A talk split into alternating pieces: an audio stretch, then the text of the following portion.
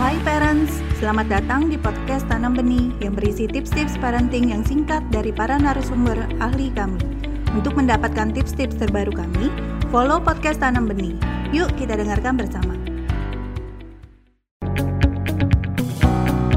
Dan sejak awal sebenarnya anak-anak itu perlu dilatih untuk memahami bahwa ada loh dua jenis kelamin yang diciptakan oleh Tuhan dan mereka hidup bersama. Dan di situ mereka jadi belajar bahwa dua jenis kelamin ini laki-laki dan perempuan memang seharusnya berjalan sejajar.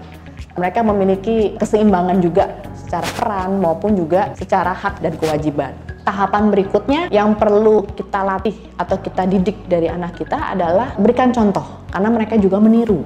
Anak-anak adalah peniru yang ulung. Hal yang paling mudah diajarkan oleh orang tua adalah dengan memberikan contoh. Misalnya, mereka akan melihat bagaimana orang tuanya, si ayah dan si ibunya itu berinteraksi. Jadi memang akan lebih ideal, akan lebih baik apabila si ayah dan ibunya sendiri pun juga saling menghargai satu sama lain.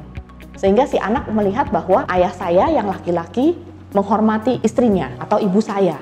Dan dengan demikian anak akan bisa bilang bahwa, oh kalau begitu saya juga menghormati perempuan karena perempuan itu juga akan jadi istri saya seperti itu. Belajar ya.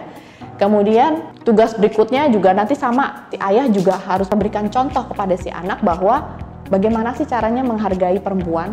Misalnya apa? Mengucapkan terima kasih yang paling simple kalau buat anak yang kecil ya usianya masih dini gitu ya.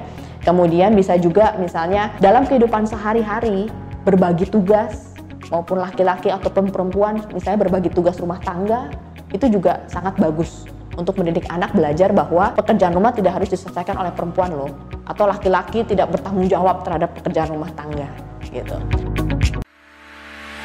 Terima kasih telah mendengarkan podcast Tanam Benih.